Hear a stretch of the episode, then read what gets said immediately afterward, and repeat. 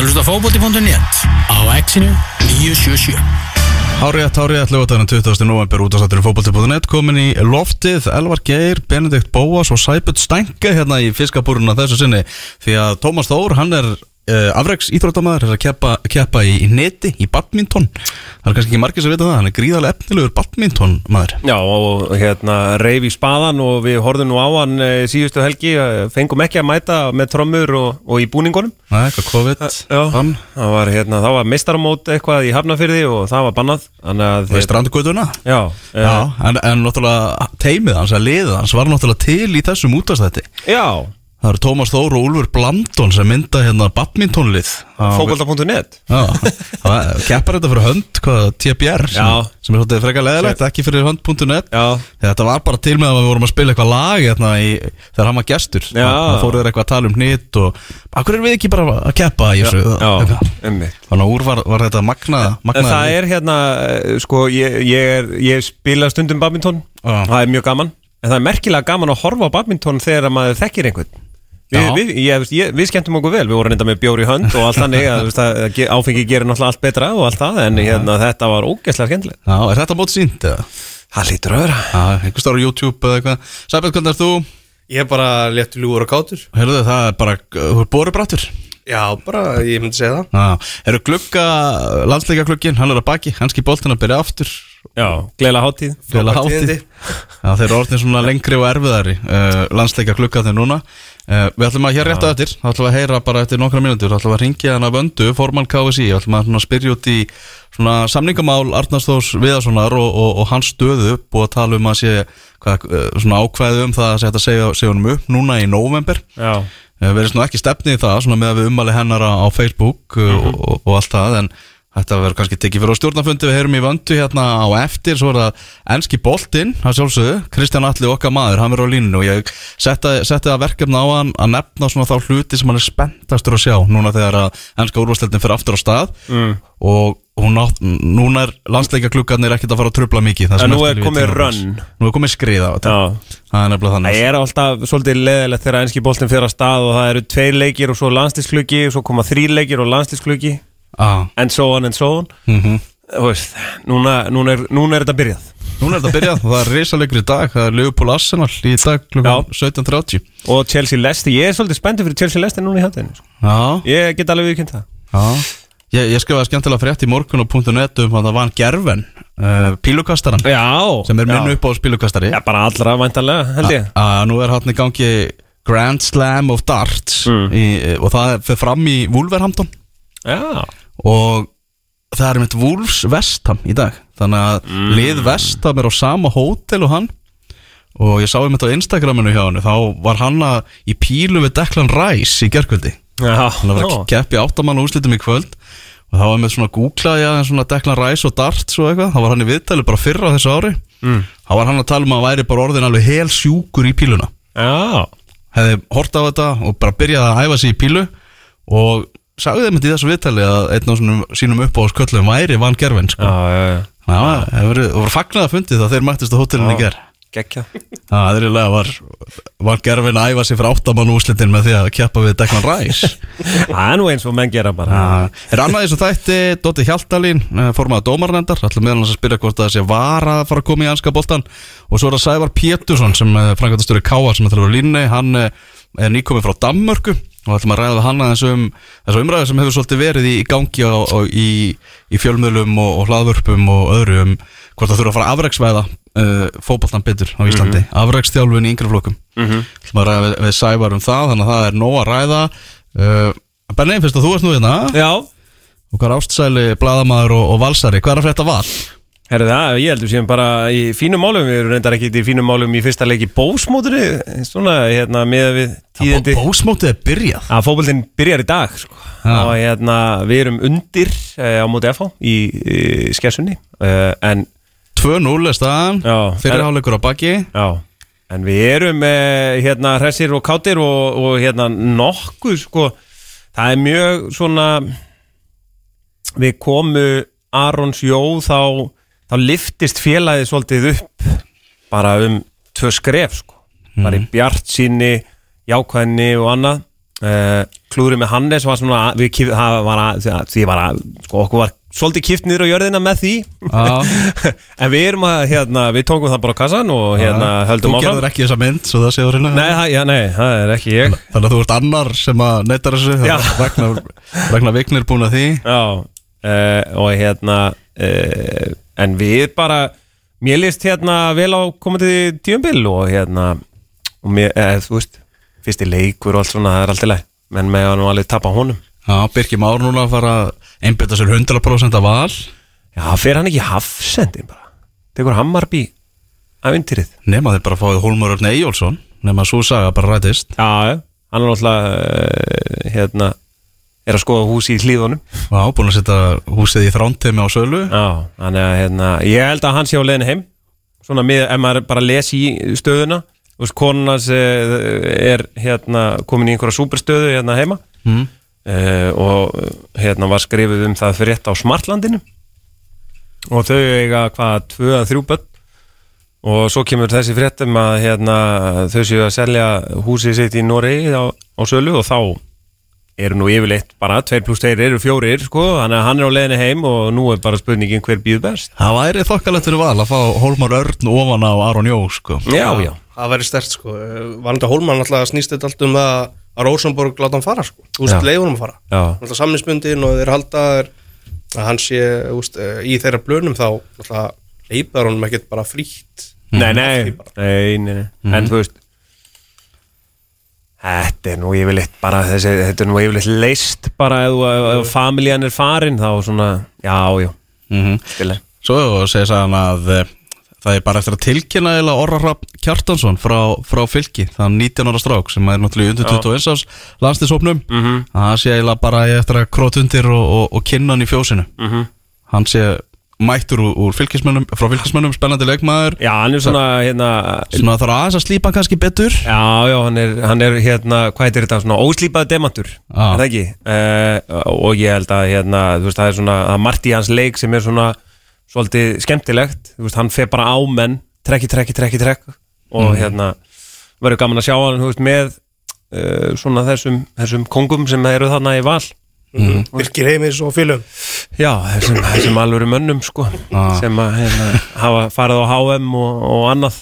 Hvernig, þú veist, menna su- sumir ungir menn kóðna bara undan því, það er nú bara eins og það er. Það er eins og það er. Sæbjörn, þú veist uh, heimsókn og skrifstofu.net í vikunni þegar Birkjum og Sæfason mætti.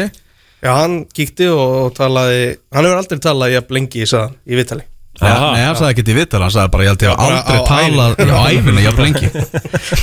Þetta var ykkur hundra mínútur og, og hafa farið yfir svona vítt og breytt yfir hans veril. Já, og þetta var bara mjög skemmtilegt vital svo ég segi sjálf frá, ég myndi bara mæla með að fólk hlustir Já, algjörlega, komin, komin hlaðvarpstáttur inn á .net. Þetta er svona, þetta er fínt í svona jólastressinu að- setja Birkjum á á sko. já það, það kemur öllum niður á, á jörðina sko. Það er góð hjartenging í því sko. Já, því líkur eð, bara eðal eintak af manni. Já, hann er líka, þú veist, af því að þú varst að ræða, að ræða val, hann er alltaf mikill valsari og, og tala um að það er alveg erfitt þegar það er, eru neikvæða fréttir um félagi, þú veist, hann Já, finnst það bara ekkert, ekkert gaman að því, sko. Nei, nei, það- og ég meina það er bara eðli sko, þess sem að elskar eitthvað að það kemur einhver hiti í kringum það þá hérna, er það erfitt. Þetta var, þetta var þú veist, ég, er, ég er mikill valsari en ég er, kemst ekki með tætnara sem hann hefur hælana sko.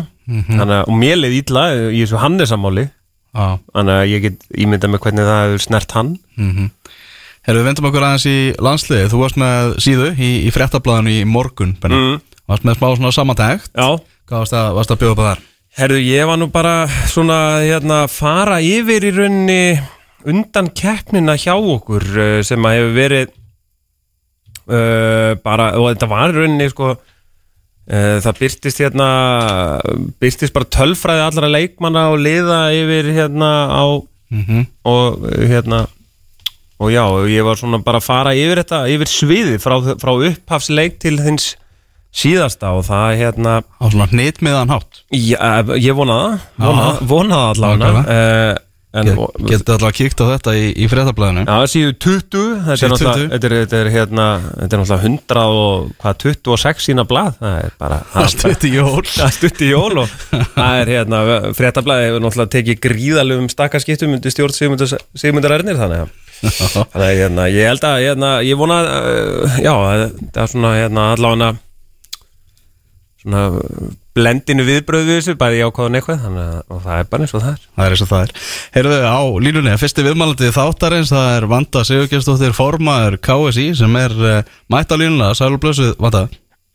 Sælublesaður, Hva, hva, Hvað segir í dag? ég segi allt fint bara. Er Það ekki? fallegur dagur í lögadalnum maður Já, já, margir fallið dagar í lögadalum já, Það er óvægt að segja það.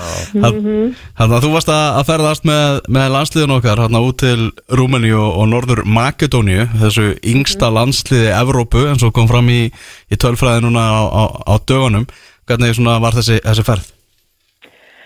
Heyrðu, þetta var bara mikið ævintýri fyrir mig að, að, hérna, að fá að, að fylgja og sjá kannski svona bara breytingarna sem hafa orðið frá því ég fór síðast í landsinsferð sem var 1998 og svo núna 20 og eitthvað árum síðar.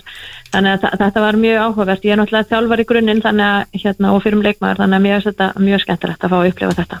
Mm Þetta var svona fjallað um það og ætlar að já, ræða við leikmenn. Þetta var kannski svona Þetta var ekki eins formlegir fundir og, og svona fjölmjölar kannski sett þetta upp Nei, það, nei það, þeir voru það nú ekki. Ég var nú bara, ég var reyndar líka að hluta tímans í, í hérna, smitigátt, þannig að ég þurfti nú aðeins að einangar mig frá þeim í, í parta af því að þetta var nú svona með því verra sem ég gæti hugsað mér væri að smita landsinsmenn rétt fyrir hérna, landsleik. þá hefðu nú gamlir kallar aldeilis risið upp í fyrsta sinn sko. Þannig að ég held mér nú bara svona, já, til hlýðis þannig til að byrja með og, og hérna, sem að mér nú hundlega letta því mér er svo gaman að fylgjast með. En hérna, nei, nei, nú ég bara notaði þetta tækifæri til þess að hérna, og, og ági áskrumi Helgi sem er hérna formar annarsestandar kalla, bara til þess að fylgjast með og sjá hvað verið í gangi og bara svolítið að kynnast þessum ungu efnilegu strákum sem eigum og, og, og, og það, en það er aftur á móti bara svona á, á döfinni, ég, ég hef mikið áhuga á að það séu svona leikmannaráð. Já, um, það er raunin það sem ég var að tala um ég, hérna, og, og, og það er bara eitt af því sem að hérna um, bara býður betri tíma. Já. mm Leikmannráð, hvernig, hvernig útskýrur það? uh, bara hérna ég, mig langar nú er þetta bara, nú er ég bara mig langar. Mm. til þess að séu bara leikmenn, ég vil hlusta á rættir og heyra bara svona ef það er eitthvað að það færi þá komi, það sé svona leið til að það komi til okkar, þetta er partur af þessu samtali sem að ég talaði um að mér finnst mikilvægt og það þarf að ná allavega niður til leikmanna, ég vil líka búa til svipað fyrir börn og úlinga í reyfingunni Mm. Eh, hérna, þetta er partur, ef maður skoðar Júfa þá er eitthvað sem heitir svona Youth Council Mm. og þetta er líka í mörgum sveitafélögum og, og samtökum félagsmyndstöða og eitthvað þannig þannig að ég vil Já. að rættir allra heyrist, ekki bara sömra Já, það er náttúrulega eh, líka í svona, hvað er þetta, borgarskipulæginu og annað, þá er hérna ungmenna ráð, þetta er það ekki, í.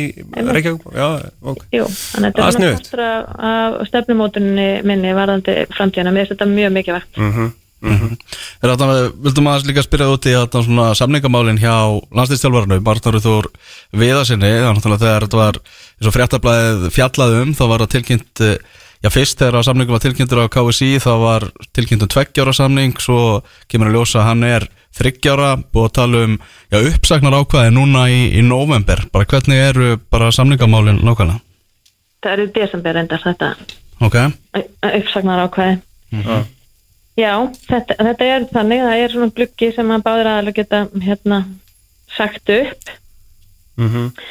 en mér er kannski eh, sko um, í fyrsta lagi þá um, finnst mér nú bara á okkur fín regla að svona ræða kannski ekki starfsmálumál mál ofinberlega fyrir en að við erum búin að útkljáða innan hús Mm.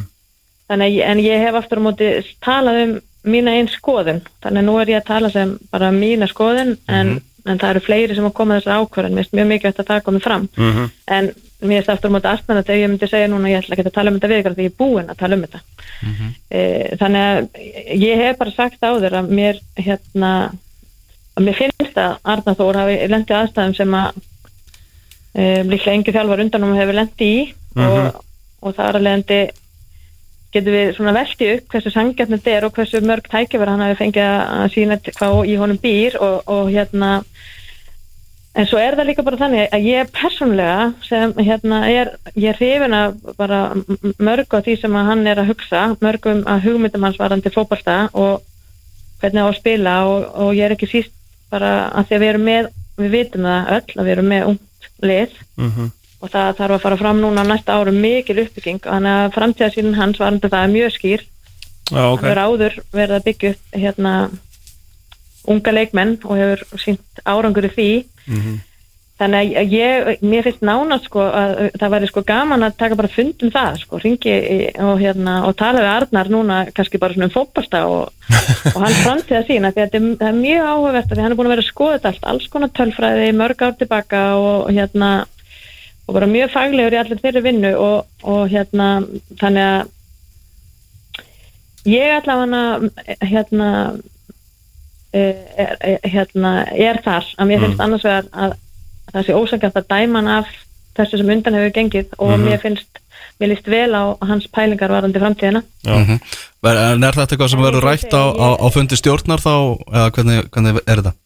Já, það er eitt að ég hef aðeins verið að reyna að sko finna út af því það er ekki alveg skýrt sko hver tekur þessi ákvörðun og ég hef, hef bara rætt aðeins við stjórnina við erum reynd að gera sem allra mest hérna, eða ekkert allra mest, ég bara tók þá reglu að setja allt upp á borð Mhm. gagvar stjórninni og við hérna engur sópa undir teppið þannig að hérna við höfum verið að taka ákvörðin saman Já. um, en eins og ég segi nú er, þið, er, er þetta bara ég og ég, við, það er ekki ákvörðun hérna þetta er innanús ákvörðun og eitthvað sem við eigum eftir að, að skoða betur. En, en eiga síðu þá ég hef sagt áður að, að, að ég hef stutt við Arnar og mér er líka bara mikilvægt að gera það. Það er erfitt að vinna þetta starfi ef að, ef við sem erum á bakvið stiðum ekki við baki á hann þannig að ég myndi ekki vilja vera í þeim sporum. Mm Það er hérna nóga verkefnum hjá, hjá ykkur á KSI núna en það er svona þetta starf sem að, já, Arnar er í núna þessu, þetta tvöfaldar starf þar sem hann er líka yfirmaður fótboltamála og er búin að vera núna yfirmaður fótboltamála meðfram landsliðinu svona í, í eitt ár er þetta eitthvað sem er uh, þegar við rætt þetta starf innan stjórnarinnar eða er það eitthvað sem að býður kannski já, eftir ástingi í februar? Já, þetta er eitt af því sem við hefum ekki, ekki eh, rætt alveg svona sérstaklega. Mér finnst líka hérna, eh, ég hef bóðað stefnum og bæði ég og Frankfurtstjóri hefum bóðað stefnumótunar vinnu uh, í, á öllum hérna, bara í öllum sviðum fókbaltans og, og, og þar á meðal deild, eða sviðunum okkar. Þannig að mér finnst þetta líka svona vera bara partur af því hvert, eh, hérna, og þá þurfum við náttúrulega bara að byrja því að skoða bara hver er staðan núna og hvert ætlum við að fara og hvernig ætlum við að fara ánga. Mhm. Þannig að það er bara svona partur af því sem er á döfin en eins og þið bara vitið, þetta er- liðin einn og hálfum mánuður og ég segi sjálfa að það voru allir allt starfsfólki hlaupandi á hamstursjóli og ég er bara svona stökk inn á hamstursjóli með þeim og hef búin að vera að reyna að hlaupa síðan. Að en núna, og bara við vorum náttúrulega bara í máli sem við urðum að taka á Mhm. en, en núna er maður svona að koma upp úr kafinu finnst mér og svona fara að byrja að horfa meira og, sem, og ég er bara mjög þakklátt líka að þetta er meira og meira fótbolti sem að það er náttúrulega það sem að við erum knastbunni samband Mhm. Þannig að nú eru það bara komið að þeir, þeirri, þeim tíma. Við erum að fara að horfa meira og meira til framtíðar. Og þessi fundir mínir sem að ég byrjuð með félagunum eru partur á því líka. Ég fekk sko frábæra búnda frá félagunum á höfubarkasvæðinu á fundum í síðustu viku. Sem að hjálpa mikið til við þessa stefnumótanu vinnu og svona hvar hvað við þurfum að leggja áherslu á og hvernig við getum stutt betur félagin og svo er ég bara í Reykjanesinu á mánudaginn og svo er ég að fara vestur og svo norður og austur þannig og Suðurlandi þannig að, Ah, ok. Ok. já, þannig að partur af að ég hef verið gaggrind fyrir að vilja ekki tala um fótbolta og að og sé ekki með enga framtíða sinna það hefur verið að hluta til e, vegna þess að ég hef viljað fyrst heyra í félagunum áður en að einhver Já, já. til þess að þau séu með rödd inn í, inn í þessari framtíðasinn, þannig að það er byrjað og ég, eins og ég segi, fekk bara fullt að og við er líka, þetta er ekki bara ég það eru margir stjórnarmeðlumir á fundinum og starfsmenn og, og fengum bara frábæra punta frá félagunum En tala, talandi um hérna gaggrinu og svona, það, það náttúrulega hérna, þú virðist valla með að reyfa þig á þess að svona ákveðin armur af gömlum köllum rísi upp og, og skrifi pistla eða segi eitthvað hérna um, hefur þetta sko áttur vona á svona mér finnst þetta stundu svolítið hörð gaggrinni áttur vona á svona viðbröðum Eh, Það er góð spurning. Takk fyrir hana. Heyrðu, já og nei. mm. Já og nei. Þetta var, ég sagði nú sjálfa, þetta var erfið ákverðin að taka og ég með leið pínu sem ég var að hoppa inn í eitthvað geitungabú og það hefur nú alveg svona kannski pínu ræst, þannig mm -hmm. það sé. Um, þannig að ég átt alveg vona á þessu já. Já. En það er svona, stundum hefur mér svona bara býtun og við og, og, og, og stundum hefur verið snúið útur eða tekið úr samhengi og og hérna, og kannski bjóst ekki alveg við að hérna, veist, hérna ég er svona, kannski skora fólk að tala kannski bara meira við mig heldur en um mig. Mm og hérna og mér líður pínu ef ég á bara að vera alveg hinskilin að, að það skipta eiginlega, eða þú veist, ef ég gerir þetta ef ég gerir X, þá verður það gaggrind og ef ég gerir Y, þá verður það gaggrind -hmm. Þannig að ég hef bara tekið það ákvörunum að fylgja minni innri samfæringu og vinna með fólkinu, vinna með félagunum, stjórninni Mhm. e, og hérna ekki fyrir starfsfólkinu og gera bara það sem að við teljum öll rétt og halda okkur byrju við það því ég held að eins og ég segi, mín reynsla allan þennan stutta tíma er eiginlega þannig að það, ver, það er erfitt að komast hjá gaggrínin en það, það svona hefur kannski sviðið er einhvern veginn framtíð íslensk fótbolta er að veði. Mhm. og einhvern veginn, að, að mér hef einhvern veginn svona, það, ég, við kennum það, það er sveipjun eins og mér hef einhvern veginn tekist á svona stundum tíma að hérna, rústa þessari reyningu sem að mér tekið svo væntum og, og er partur af öllu mínu lífi og, en það er bara ósengjant mm Mhm. líka, þannig að ég er líka pínu svona að velja hvað ætla ég að hlusta og hvað ætla ég ekki að hlusta. En Já, já, hérna, já ég veit ekki hvort þetta svaraði spurningunni já, jú, jú, þannig sko, ég veit þannig. En hérna, en hvað, eh, sko, eins og þú segir að þá er náttúrulega ríki kannski aðeins farið að setjast á þetta og þið getið farið að svona tala um fótbolta, hvað hérna, uh, hvað segirðu, Reykjanes, uh, hérna, Reykjanes á mánudaginn og svo vestur og svo, svo norður. Já, Já. og austur og söður Og veist, Sko, þetta, já, þetta er eiginlega þannig svo sem kláður samt hitt með gaggrinni Já. ég tek henni fagnandi Mhm, þú veist, það vera og, og ég hef sagt það við félögin og alla ég, þú veist, og stjórnarmeðlimina mína og þú veist, ég vil að, þetta er ekki þannig að ég vil að við séum einhverjum já já, vilt ekki bara já samskipti? Nei, nei, Já. alls ekki Þannig að mér finnst kannski mikið hægt að taka það fram ég, Mhm. þú veist, ég er ekki, ég græt ekki kottan þú veist, ég vil gaggrinina, ég vil heyra allt og svona þannig Mhm. að ekki, þú veist, það er mjög mikilvægt en hérna. Já, Þegar ekki málumnaleg og gerðan við mig ef að hægt er. Já, Þegar þarna þingi verður í februar og þegar komur á stað ykkur umræða og vera að máta ykkur nöfn í, í frambúða á, á mótið þar og allt þannig býstu við að það verði hörð bara á það í, í februar Já, ég hef nú alveg sagt það einhvern mann áður meir sem held ég við ykkur að mér finnst að þetta er risastór samtök og, og alls konar sjónarmið og, og mér finnst bara alveg eðlilegt að, að fólk bjóða sér fram. Það er hérna þannig að það er ekkert, ég ræðist það ekki neitt sko og mér finnst það bara að, að hérna já, það bara kemur í ljós held ég, það eru búin að vera alls konar vangaveltur. Mm -hmm. er það ekki, maður hefur svona eitthvað hérna, Já, en ekkert, ekkert orðið staðfæðist en þá ekkert staðfest, nei, nei, það er bara nóvember Nákvæmlega. Þannig að en ég á bara fastlega að vona því sko, það kemur mér ekkert á óvart að það sé einhverjir í þeim á þeim buksunum, ég er að reyna hérna bara já eins og ég segi, ég er náttúrulega stjórna því ekki neitt, maður, það þýr ekkert að vera einhvern veginn alltaf að hafa ágjur á því og hver ætti þetta kom, eða skilur mig það er eitthvað sem að ræði ekki yfir. Að ég hef líka sagt það, segja mér svo til dæmis þess að þessi vinna núna með félagunum ég hlakka mikið til að fara á Suðunisum ég hef vunnið mikið með grunnskólanum og farið inn í heldur bara alla grunnskóla á Suðunisunum mm, en nú er ég, og ég hef líka verið með námski fyrir þjálfar á Suðunisum og svona en, ég, en þetta og ég svona eftir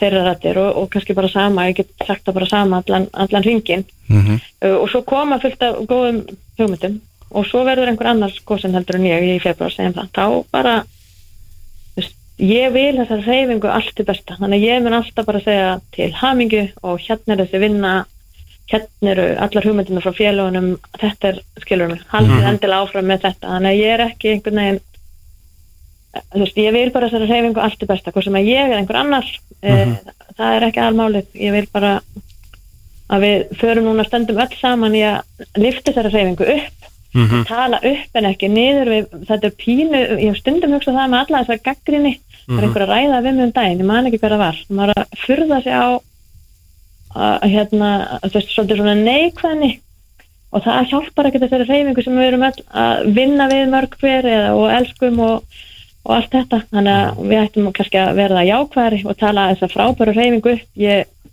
hef verið að skoða að búið að vera rannsakætt til dæmis bara peningalega. Og þessi reyfing skilur eftir ekkert smá út í samfélagið. Já, já, já.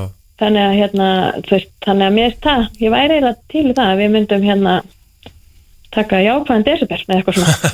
Það var, þetta voru náttúrulega átta jákvæð ár sko, og- og Íslendingar Já, eh, sko, vilja reyndar vakna helst á hverju mótni og, og, og pæla hvernig þið geta hneykslast í næsta máli. Þannig að hérna, eh, ég er alveg sammála það er stundum eins og það sé svona opið skotlefi á KSI og fótboltan já, já Hefur vanda bara við kannski við sem erum mest í kringum fótboltan verðum kannski að passa okkur að, að vera ekki alveg eh, fremst í flokki að skjóta. Við verðum, eða skilið mig. Já, með öllum skotanum að vera líka að varpa fram með öllu þessu Mhm. jákvæða. Hefur vanda við óskuðu bara góðra ferðar í, í kringu landi vonandi verður færðin með þér í, í liði.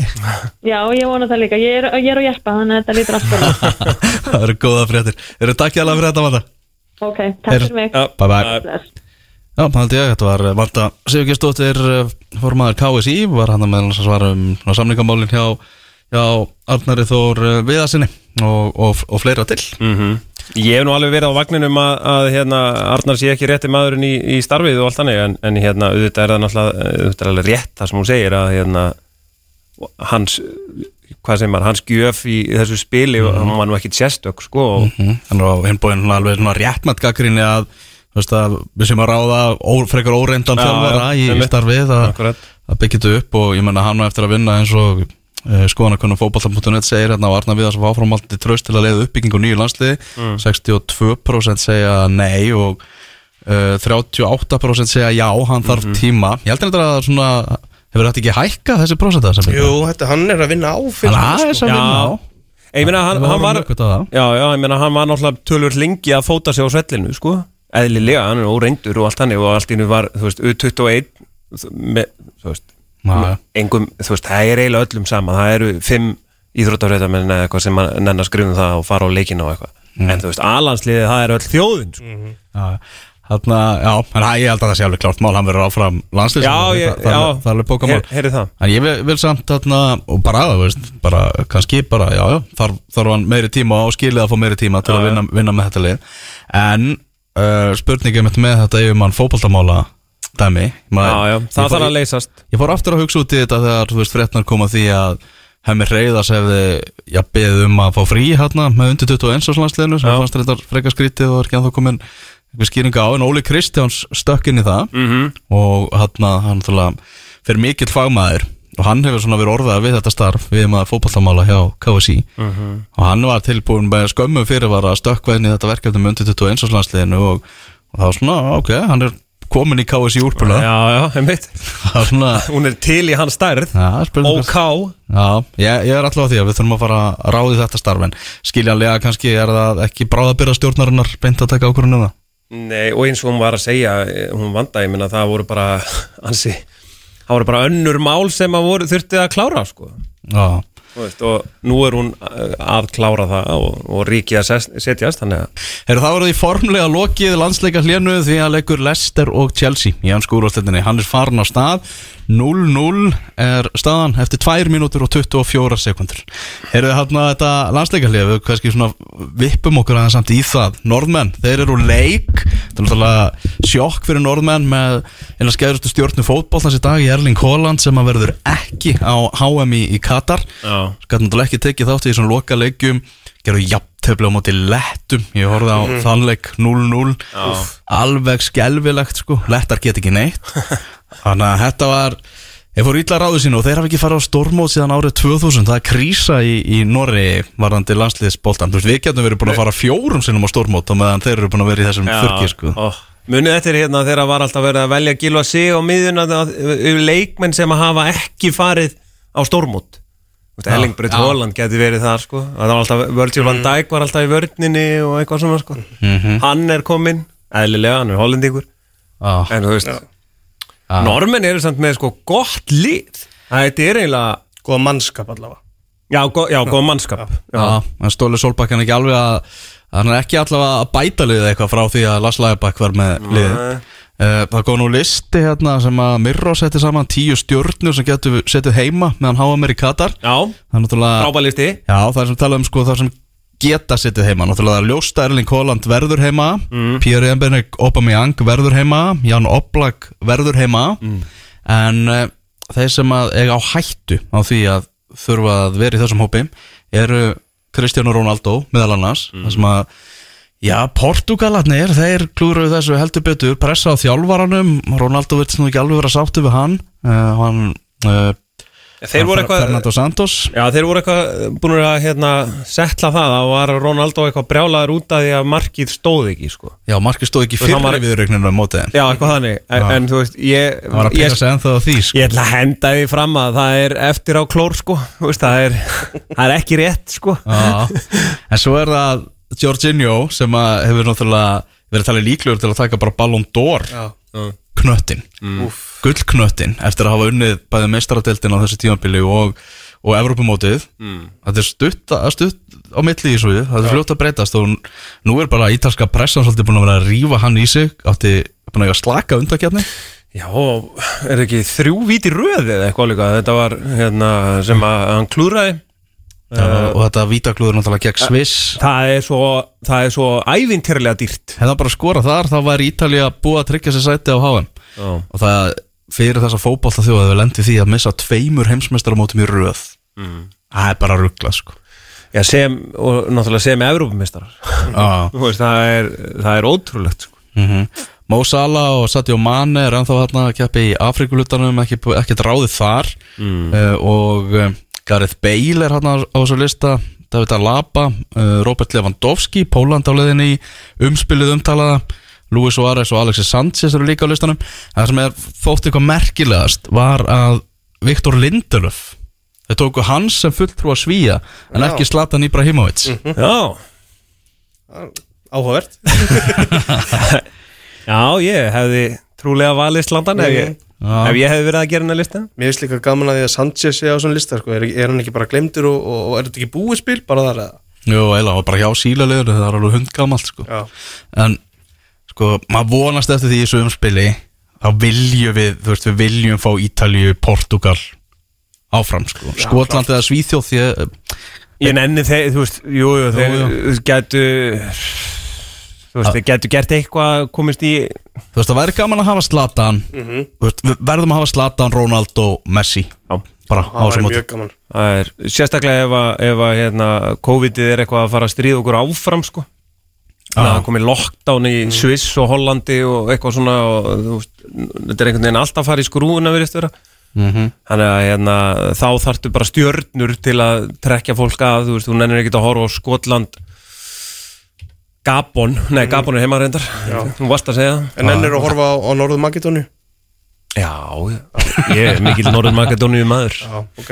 Já, Norður Makedónia maður Herðu, að förum kannski betra aðeins í Norður Makedónia hérna eftir en förum aðeins í ennsku úrvastilduna Kristján Alli Ragnarsson er á línunni Sæll og blessaði Kristján Sæli félagar. Herðu, við erum að tala um það að landsleika klukkanum er formlega lokið því að leikur Leicester og Chelsea er farin að stað Já, já. Hátíð í bæ. Það er hátíð í bæ Þetta, þetta, þetta er fyrsti dagur jóla fyrir okkur sem að skipta máli í samfélaginu.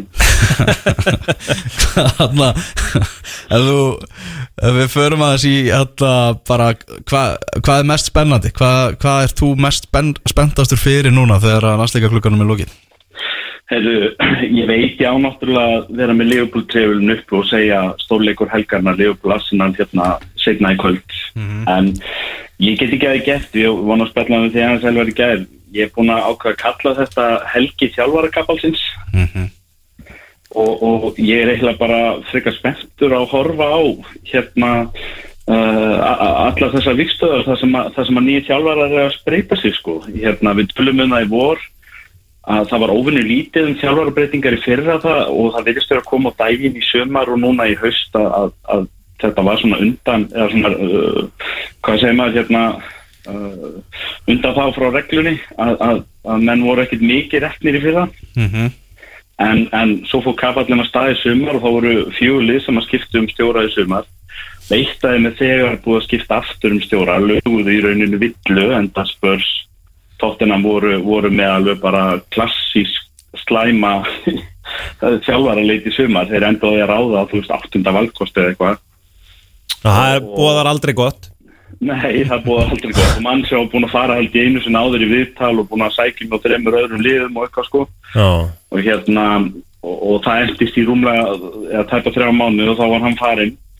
Og, og hérna og þessi kapall hefur heldur betur haldið áfram síðasta mánu nú hérna Watford náttúrulega Ráku Sisko fyrstir eins og alltaf fyrstir upp á, upp á svið.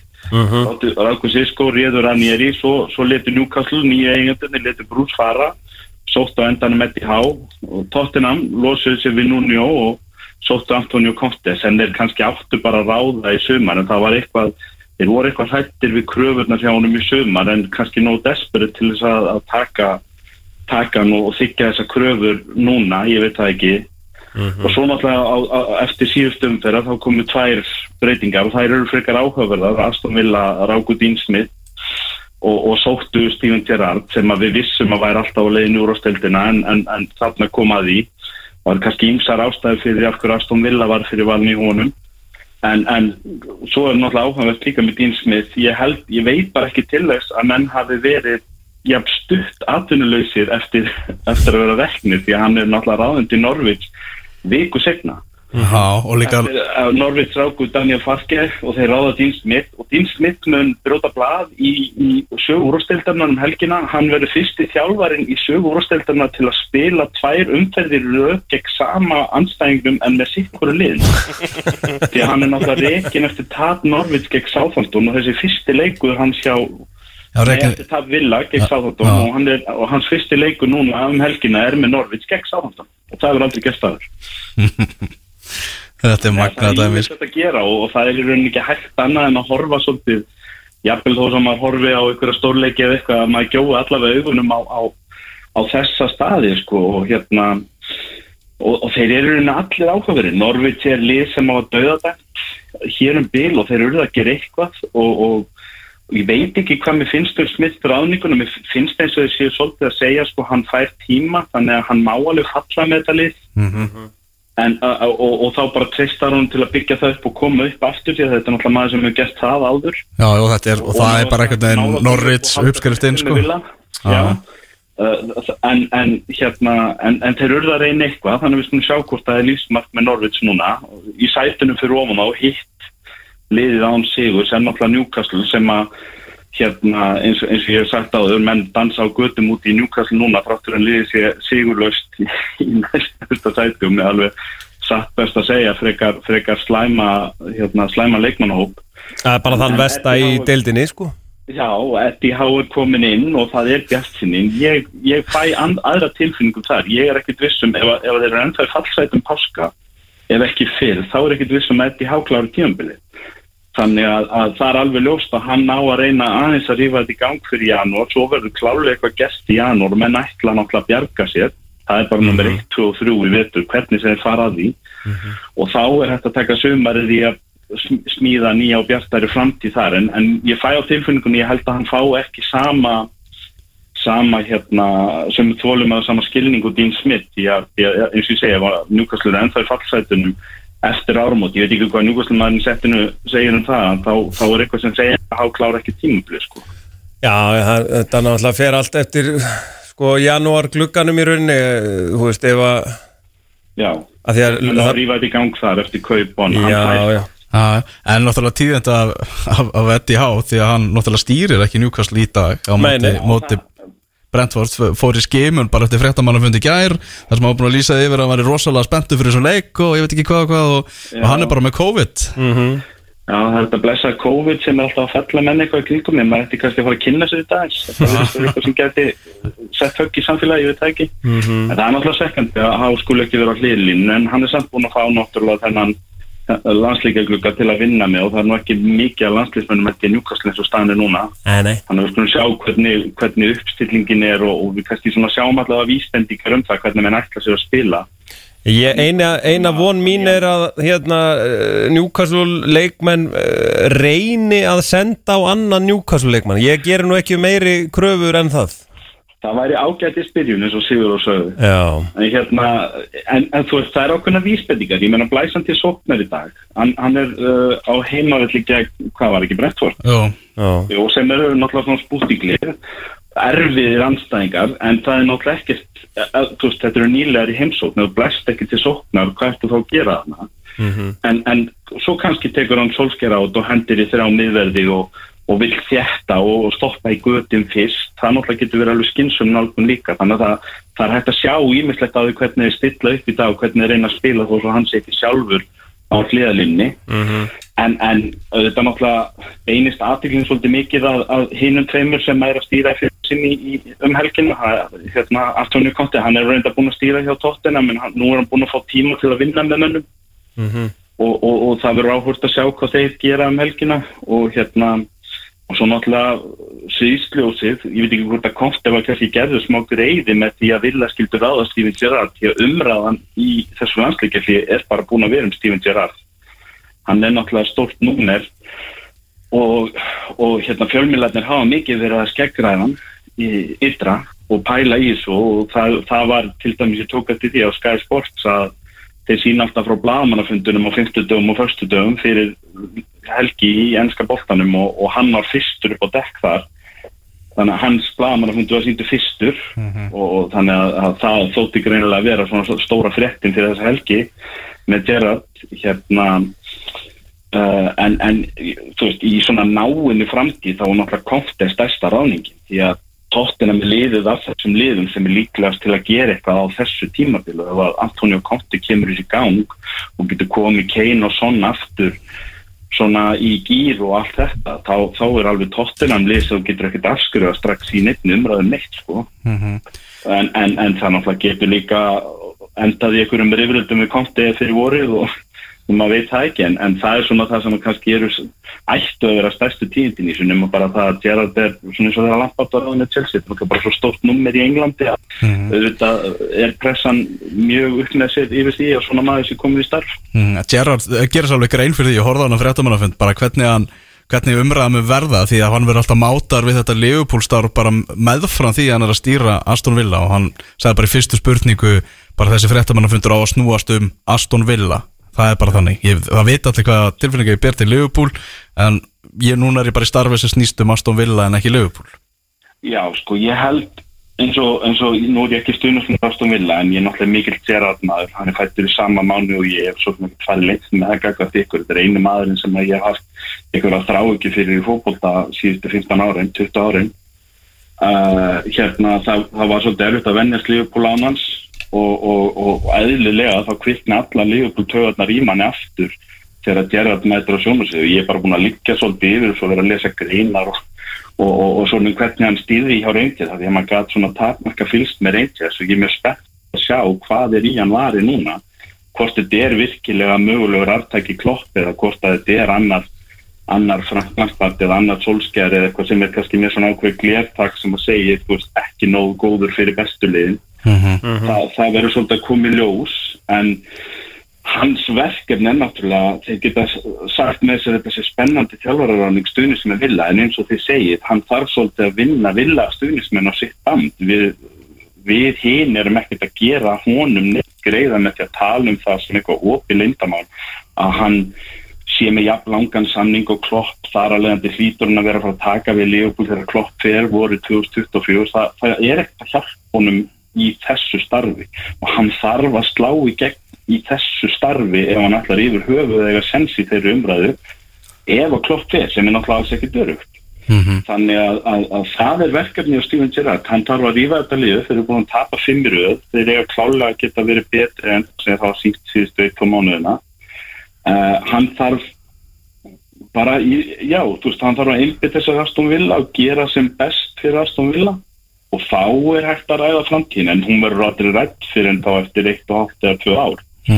Þannig að Villa er bara nútíminn og það er hans raunveruleiki og nú bara reynir á, er, er varið í hann. Ha- þetta er svolítið áhugaverð leið sem hann hefur farið, það er náttúrulega búið að koma fram í þessum fréttum.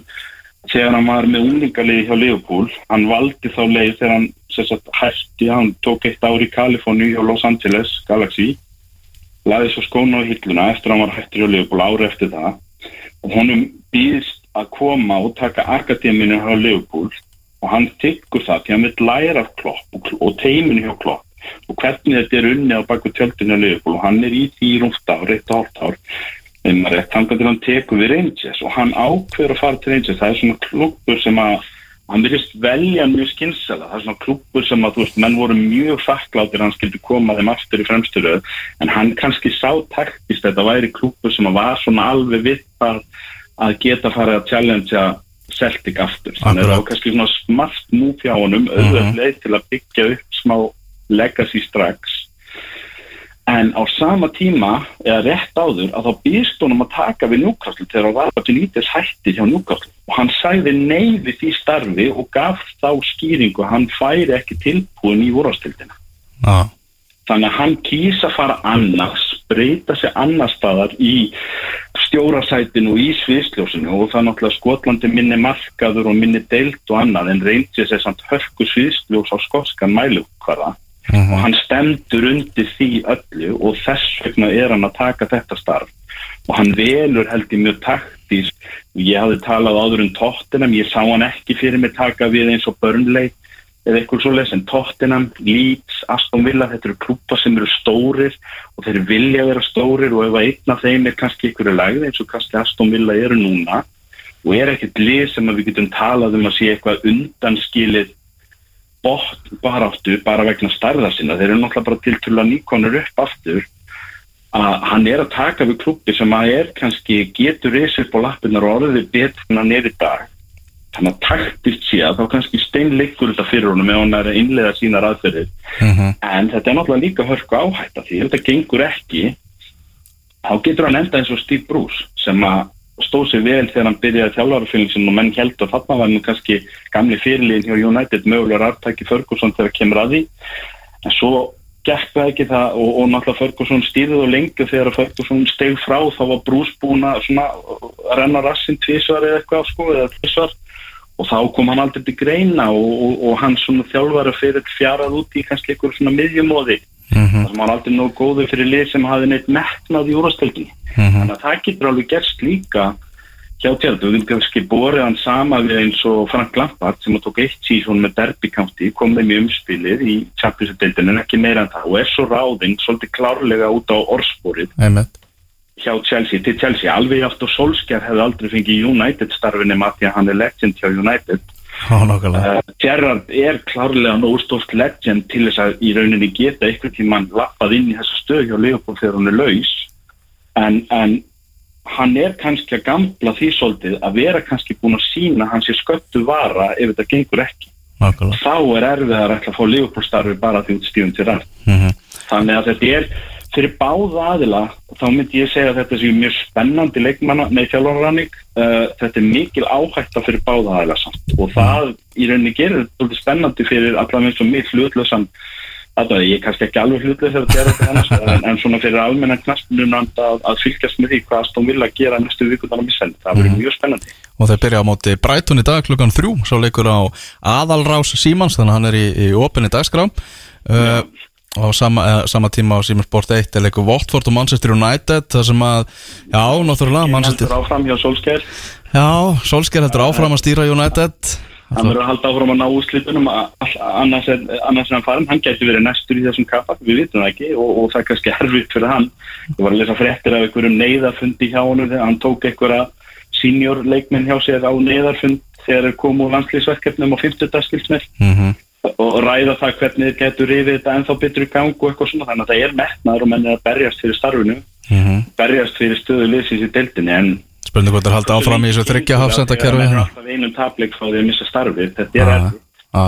En eins og segir stórleikurinn er náttúrulega Leopold Arsenal, Arsenal menn Mikkel Arteta eftir að menn vildu bara hengja hann upp á, teini hérna í upphæðu tímabils þá hefur hann bara náð mjög góðu róli á Arsenal og þeir eru bara búin að vera þrjusu flottir upp á síðkasti þetta ætti að vera hörku, hörku skemmtilegu leikur í dag Já, já, sko Arsenal töpu fyrstu þreymur og skoruðu ekki mark og þeir voru neðst að setja deildarinnar í fyrsta landsleikjulegi og þá náttúrulega dundraði öll umræðan í gangum allt þetta og hvað er hann að gera þarna eftir tvöru starfi?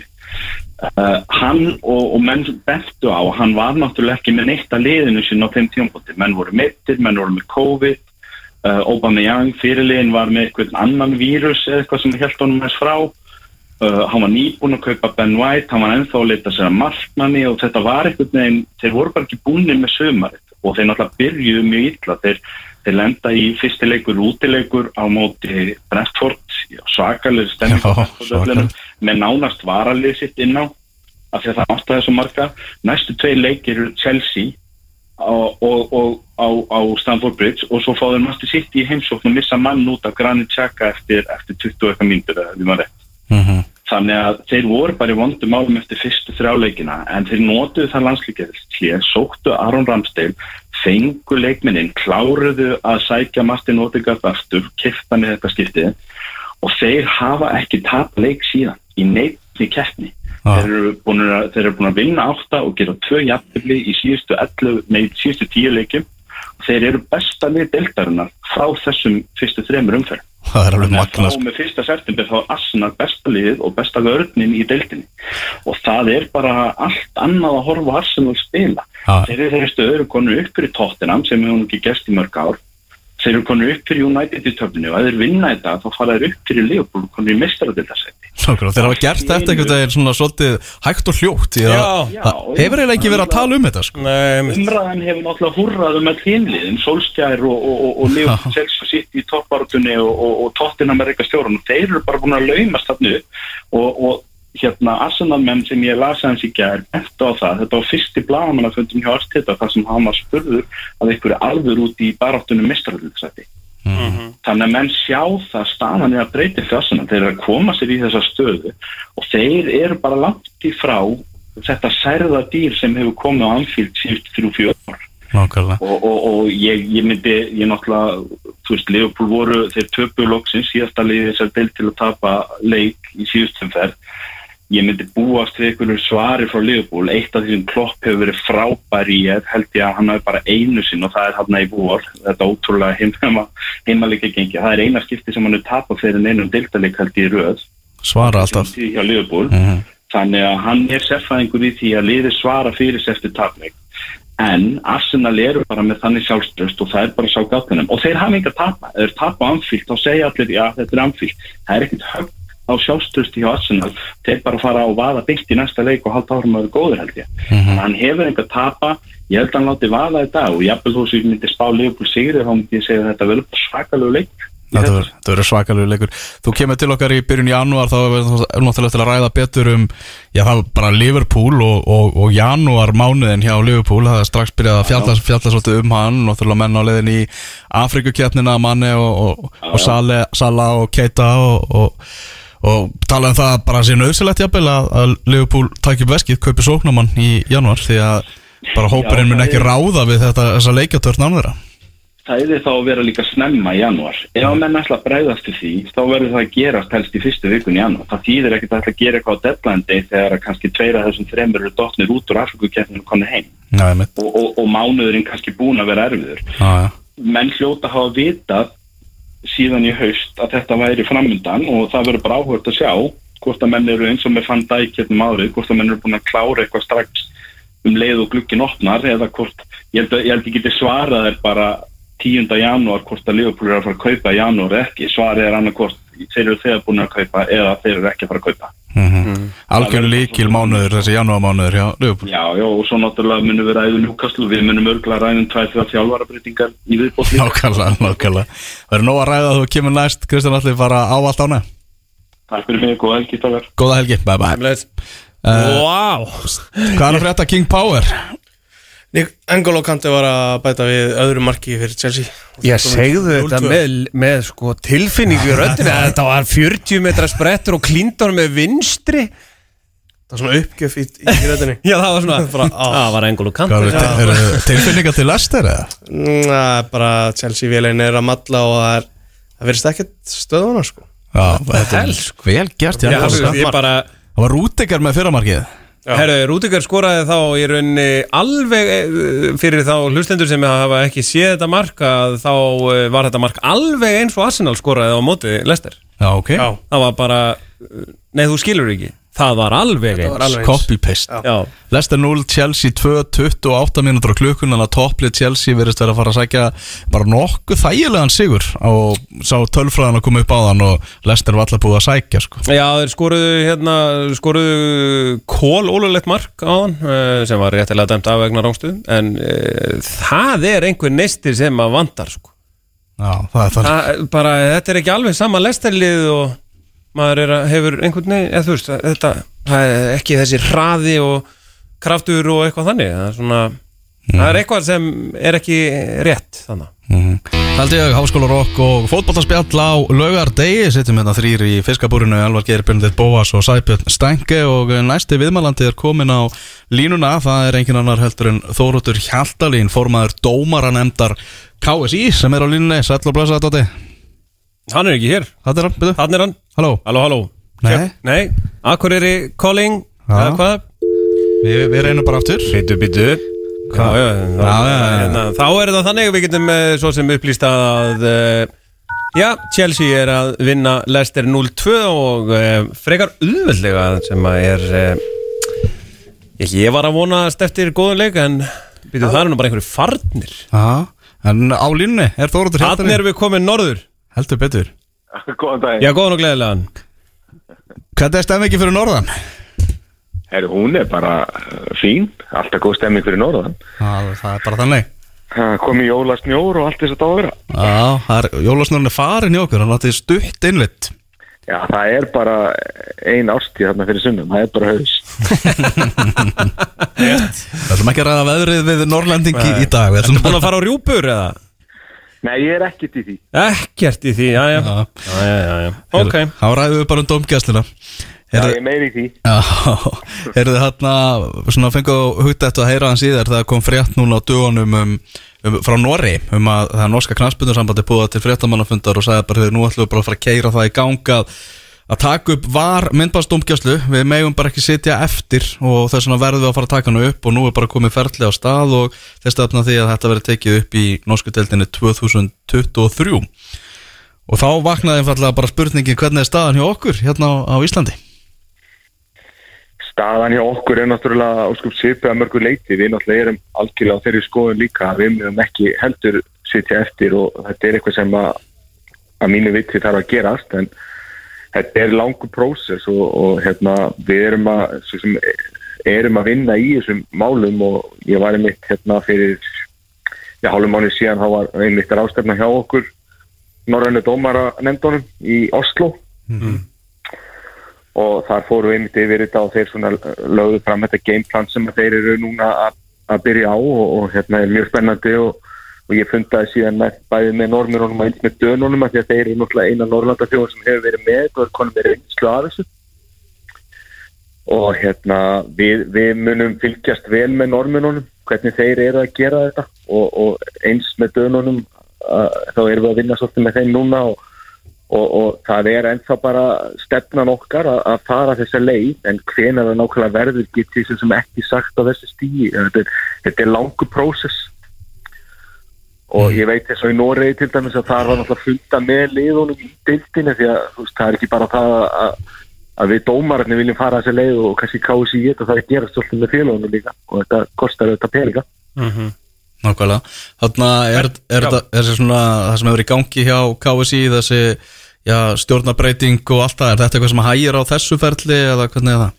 Ég, ég meina vissulega eins og þið viti eins og allir aðrir að þá hefur kannski fókusin hjá knarspöndinnsambandinu fóru svolítið mikið í, í aðra hluti heldur en kannski akkurat í fótboltan því miður en ég vona svo sannlega að við séum að komast áfram núna og, og erum að, í mikilli vinnu til þess að koma okkur út úr þessu brasi sem við erum búin að vera í og auðvitað hefur þetta haft áhrif því er ekki neitt Mhm. að þú náttúrulega já, ert í varastjórn og varst í varastjórn en varst, já, sagði þér af þér eins og öll stjórn KSI hérna á sínum tíma böstu þess að hann aftur fram til endurkjörs en það svona já, þú er kannski ekki alveg í þeim álöfnum sem, sem að voru þarna til umræðu þegar, þegar stjórnum fóð frá Nei, mér allavega leið þannig að hérna, ég var ekki tilbúin í að, í að fara frá þessu á þessum forsendum. Ég stutti félagin mín í stjórninu og var sammála því að fara frá eins og, eins og þetta leit út á okkur leið bara eins og við hefðum ekki tröst félagin og við náttúrulega erum kosin af aðaldafélagunum og ef okkur líður þannig að við séum ekki með tröst frá þeim að þá verðum við auðvitað bregðast í því að að við erum alltaf ekki stærri reyningi stærri lægi og En, en ég var eiginlega strax ákveðin í að bjóða mig fram aftur. Þetta var maður svolítið reyður og fúllötu fyrstu dagana eftir og alltaf þessu sem bara fara frá þessu og, en svo svona liðin og dagarnir og ég var nú fljóttir svona, ég fann alltaf fyrir miklu stuðin ekki líka bara frá dómar hópnum og, og félagunum og þá kannski svona fór maður að þetta, þetta var kannski ekki alveg svona þannig að ég ákvað mjög snemma að bjóða mig fram aftur og, og ég er alveg til að fara frá þessu ef ég næ ekki kostningu en ég var bara engaðin tilbúin í að fara út úr þessu- þessum forsendum því að ég held að ég hafi ímislegt fram að færa í þessum málaflokki og ég er ekkert fyrir lengt með það að ég hef aðalega verið að starfa að dómaramál það hefur svona, hefur svona verið mín ástriða sko.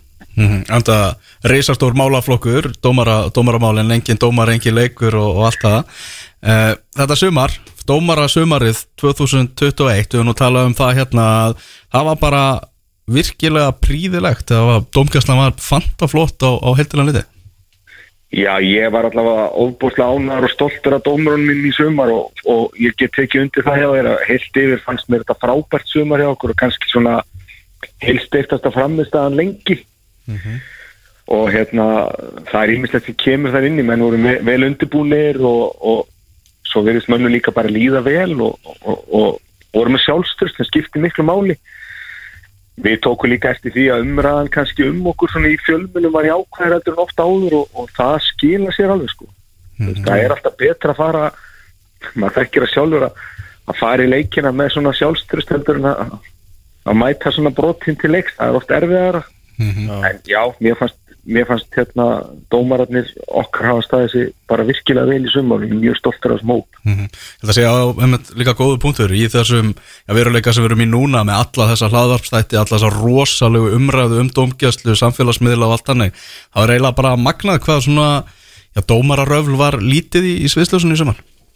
og hjálpar klálega til að því að það er nú eins og þannig að þó að maður ætli ekki að láta þetta hafa áhrif á sig en þá gerir það það. Er bara, þú veist, það er rosalega erfitt að, að standa undir mikill í gaggrinni og, og, og það er eitthvað sem að kemur með reynslinu og kannski það sem ég er haft mestar ágjur af kannski sérstaklega varandi eftirtildina er að reynslan er ekkert rosalega mikil. En mér fannst þeir standa sér frábælega í sumar og, og hérna þetta hjálpa klálega til. Uh, Dóti, þú veist, þú talar um að að þetta hafi verið gott sumar og, en, og það var nú einhver gaggrinni sérstaklega út af, út af dómara viðtölunum, menn, mennum fannst svona dómar ekki alveg vera, já, hvað á maður að segja 100% heil, heiðal er að segja all- allan sannleika, hvernig fannst þér dómara viðtölun svona lukkast? heilt yfir mjög ánæður og ég, ég, við, þetta er eitthvað sem við vorum búin að ræða lengi og að prófa þetta og mér finnst ekki vera að koma nægilega mikil reynsla á þetta til, að, til dæmis að við fyrir að taka ákvörðum að hætta þessu. Nei, alls ekki hættu þessu, þetta var, þetta var frábært Já, heilt yfir verið mjög ánæður með þetta en ég skil alveg hvað þetta fara og, og, og hérna, ég held líka bara að þeir þurfa bara að fá aðeins meiri reynslu, fara aðeins oftar. Mm -hmm. Þú veist, átta sig á því að að það er nú eins og þannig að að svona heilt yfir að þá stendur enginn með dómarinn nema þeir sjálfur sko. Og það, það tekur bara smá tíma átt að sjá því að, að þú veist það, maður getur alveg verið bara mjög opinn með það, þú veist, ef maður gerir mistök og, og, og að tala um þau sko, en, en það tekur bara pínu tíma og ég er bara, ég var mjög ánægð með þetta heilt yfir en, og ég er mjög spenntur fyrir framhaldinu varandi þetta. Er, er nálgun dómara svona öðruvísi? Eða þeir vita það er möguleika á viðtali eftir, eftir leiki, þú veist, að því að það er náttúrulega að tala um að það þurfa að vera x margar kamerur og svo leiðis viljið þið þetta séu öllum leikjum og, og, hvernig þið voru það við þér? Nei, við vorum við, við, við hérna náðum að þegar við þurfum að ræða þetta við, við hérna stöð 2 sem er náttúrulega með síkarettina þá var það strax ákveð okkar hálfu að, að þetta er þá bara í þeim leikjum þar sem að væru kamerur sem að, veist, það væri eftir að sjá atvikin 100% eftir á. Þú veist að það, dómarinn okkar væri ekki að fara í viðtala ræðum einhver hluti sem að veist, var vond sjónarhóttn eða eitthvað, þetta yrði bara að vera þannig að það væri eftir að fjallum eitthvað atvik og við værum með skýra mynd af atvikinu. Og við teljum bara að það sé ekki hægt þú veist, á, á, í leikjuma sem er kannski bara einn kamera á miðjunni og það gerist eitthvað í 60 metra fjarlæða sem að lúkar einhvern veginn. En við vildum bara að þetta yrði gert þannig að það yrði bara alveg skýrt hvað að fara að ræða og að það væri til einhver mynd af aðtíkinu, það, það verður bara að vera þannig.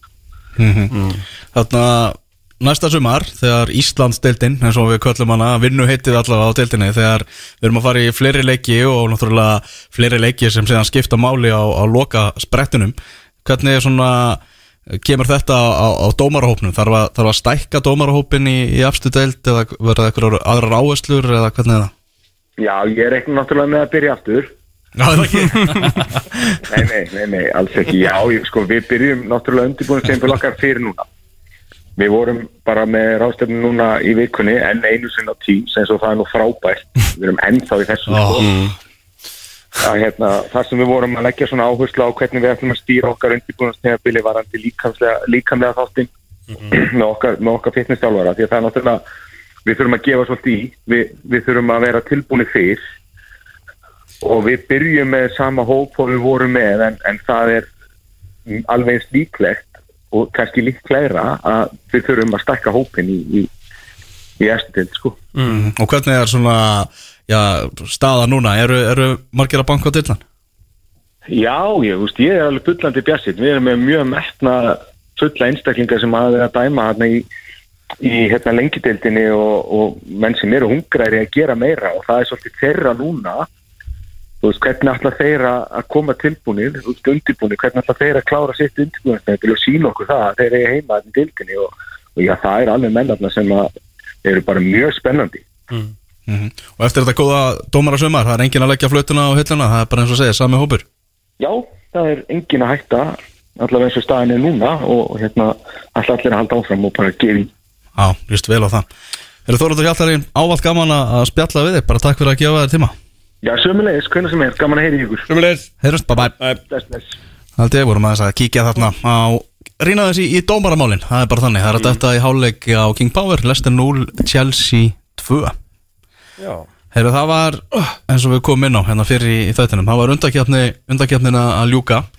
Og það fór því miður þannig að eina liðið sem við Íslandika náðum að vinna var uh, Líktenstein. Mm. Kláruðum þetta á móti Norður Makedóníu og við vorum talsvert verra liðið í þeim leik, því miður safinn. Já, það var svona sínilega voru við verðalið og það, og það hérna það horfir ekkert svona, maður er ekkert rosalega jákvæður eftir það einhvern veginn að því að, að, því að norður maketunni að þeir eru ekki, þeir eru ekki heimsmyndstarar sko.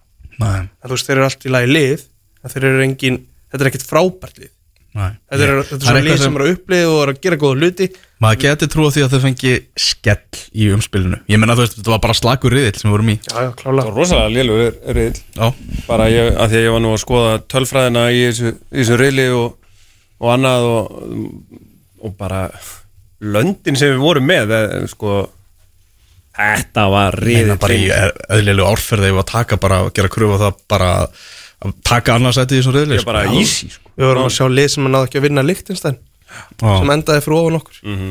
Það er bara á, aldrei að geta gerst. En það er svona, já, við erum eins og áður kom fram með yngsta landslið Evrópu. Það eru ungi strákar að fá hérna stórt hlutverk að þeir þurfa að þroskast hratt og, og taka ábyrð hratt. Já, það er bara hérna, sviðið er þeirra. Það eru fjórir búin að hætta síðan á undankeppninni Lauk og Hólmar uh, þakkaði pent fyrir sig uh, veist, þannig að það eru fimm uh, og einhverjir sem að uh, já, veist, á þess að fara eitthvað og djúft í það þá er ekki hægt að velja einhverja og hérna þannig að uh, allt í hennu erum við komið með uh, sko Elias í, í markið sem að ég held að knaspinu áhuga menn bara almennt viti ekkert endilega hverjir er hver er. Mm veist, Það uh, er að kynast honum. Já, ég meina Brynjar í, í hérna, þú veist, hann er að spila bara í, hann er að spila í Magna fyrir tveimur árum, sko, eða hvað líka held að hann verið í láni fyrir tveimur árum. Minna, hann er engin stórstjarna en hann er bara orðin fann að Já, Hver verður liður? Þýtur upp á stjórnuheiminin Já, já. Svo ertu komið með hérna mm, Alfons, hann er nú þekkt stærð. Mm -hmm. uh, Svo er spurningi með náttúrulega vinstri bakkur Vinstri veist, það up er for grabs. Það er örug Eftir að Birkir Már hættir er alveg örugt Hver tekur við keflunum hægra megin. Spurning með vinstra megin. En það- er ekki svolítið skrítið að þú veist, við byrjuðum að tala um þetta fyrir uh, sjö árum síðan. Jæja, nú er Birkir Márórið 31 árs. Uh, Sko, hægri bakur á staðan og þú getur ábyggilega fundið einhverju út að, eh, þú veist, bara 2011 sko, Já, þegar við byrjuðum að tala um þetta. Þeir nú- ætlar að taka við. Nú er erfingin fundin Og nú er, þetta var svo fyndið hann á Instagram þegar hann bara, hérna, já, ég þakka fyrir ungur tekur við, það er bara svona hann rétt honum bara keflið sko. mm. Spurning hvort að hörðu Björgvin verða áfram vinstri bakkur Eða hvort að Meina, maður verður bara hreinlega miðvörður. Mm -hmm. Við hlýðan á Hann Brynjari, Brynjari. Mitt Ég get alveg sé bara svona hraðan uppganga á alla barka sinni, bara hendur hún út í djúbu lögin að frekast fljóðlega sko. Ef Alli Barkarsson heldur áfram á þessari siglingu Þá bara klárlega getur hann orðið landslismæður fyrir maður Já, já, mitt, algjörlega. Já, Ég held bara, þú veist, það sem að ég sakna mest við íslenska landslífi fótbolta er að leikmenn sé að spila. Ég vil bara hérna, velja leikmenn sem er að spila 90 mínútur í hverju, hverju umferð. Já. og nú eigum við 700 atvinnumenn og það eru bara, já, það eru 12 að spila. Já, mjög margir sem eru fastir á bekk. Það er bara alveg svakalega margir sko. Við erum að fara í uppbyggingar árið 2022 Já. þar sem við erum ekki að fara á stórmót heldur uh, þjóðadeildina og eitthvað þannig. Þannig að Arnór við erum að tala um að það verið tekin ákvörðum um það að þetta er ákveð uppbyggingar ár Já, já. og uppbyggingin er svona löngu byrjuð eila og átti kannski ekki að byrja svona snemma. En það er náttúrulega uh, hjá honum sjálfum sem bæði um að fótballtamála og landslistjálfari við, við rættum þetta um daginn, já. Já, Hann einmitt. segir sko að að KSI hafi ákveðað 2022 væri Uppbyggingarár. Hann er yfirmaður í fótboltamála og landslistjálfur, þannig að hann hlýtur að vera að tala, taka samtali við sjálfa sig. Það var vantilega að tala svolítið um sig í þriðju persónu. Arnar, þessar Arnar er það Já, já Já, Já, þetta verður, þetta verður allt saman frólægt uh, Förum yfir í uh, fleiri fréttir Fleiri fréttir. Breiðablик sæki leikmann frá Suður Ameríku. Við erum að tala um Juan Camilo Pérez sem er komin í Breiðablik. Hver er þetta, Sabin? Vá, þú ert að spyrja svo erfiðar spurningar sko. Mhm. Þetta er leikmaður sem var að spila í efstu deild í Venezuela Annar, annar leikmaður frá Venezuela sem spilar í, í efstu deild á Íslandi. Þannig að fylgir í hvað fótspóri Octavio Páez? Já, Þannig, sem fór nú ekki með himmelskautum Nei, með mínum mönnum í leikni þannig að þú veist, Skildi aðalega eftir sig þessa mortæklingu hann á Já, Dalvík. Alveg rétt. Það, það kannski þarf ekki droslega mikið að gerast til þess að hann verði muna eftir hún sem betri leikmanni en Octavio. En þú veist þetta er hvað hann ekki sóknar sinnaði var ekki, var Jú. ekki titlar þannig? Mhm. það var, ég sá einhverja tölfræði að var að leggja upp einhver mörg var, þessi tölfræði hljóma ekkert eitthvað frábærlega í mín en, en svo kom eitthvað að Óskar Hafn hafi fylgst með honum lengi það er bara, hvað hvað er Óskar Hafn að gera heima hjá sér er að horfa þetta í langan tíma sko. Það er bara Óskar Þetta er- að það komir mest óvart og ég veit ekki alveg hvort að það var bara eitthvað sem var búið til sko. Nei, akkurat, það er alltaf Suður Ameríkumaður sem þetta kom svona, já eins og þruma úr heiðskýru lofti sem að þessi tilkynning komu mið, og líka komu miðanótt Já, hún kom að það eitthvað rétt eftir miðnætti þarna hvað finnst þetta skuldi Já, það var, það var þetta tilkynnt úti í Suður Ameríku sko. Já, Þræðilega lett Heyrðu annað sem að gerast í vikunni Guðmann fór í kórdrengi að koma því yfir orðaði við þetta lið í mörg ár. Og, og hann var mættur og spjallaði nú hann Sæfjörn Já, hann var hress og, og ánæði með þessa niðurstu Mér fannst svona, maður horfir svona þegar maður veit að hann er ekki að vera að vera áfram í FH þá láta þetta svona í rauninni fyrir sko. svona, bara ef maður horfir á það þannig svona bara já, þetta kemur eiginlega ekkert úr Já, og hann lóttilega smellpassar í það sem kórdrengi er að gera sko. En okkur sóttu framarar ekki hart? Já, það er góð punktur. Ég hef bara pæling að því að hálf varnalína þeirra er horfin. Akkurat, þetta er svona, þetta- ég skil hvað þetta fara. En mér var skemmtilegt að hann getur sagt að, að Davís Mári sé guður uglaður ég veit að það slæti alveg sko.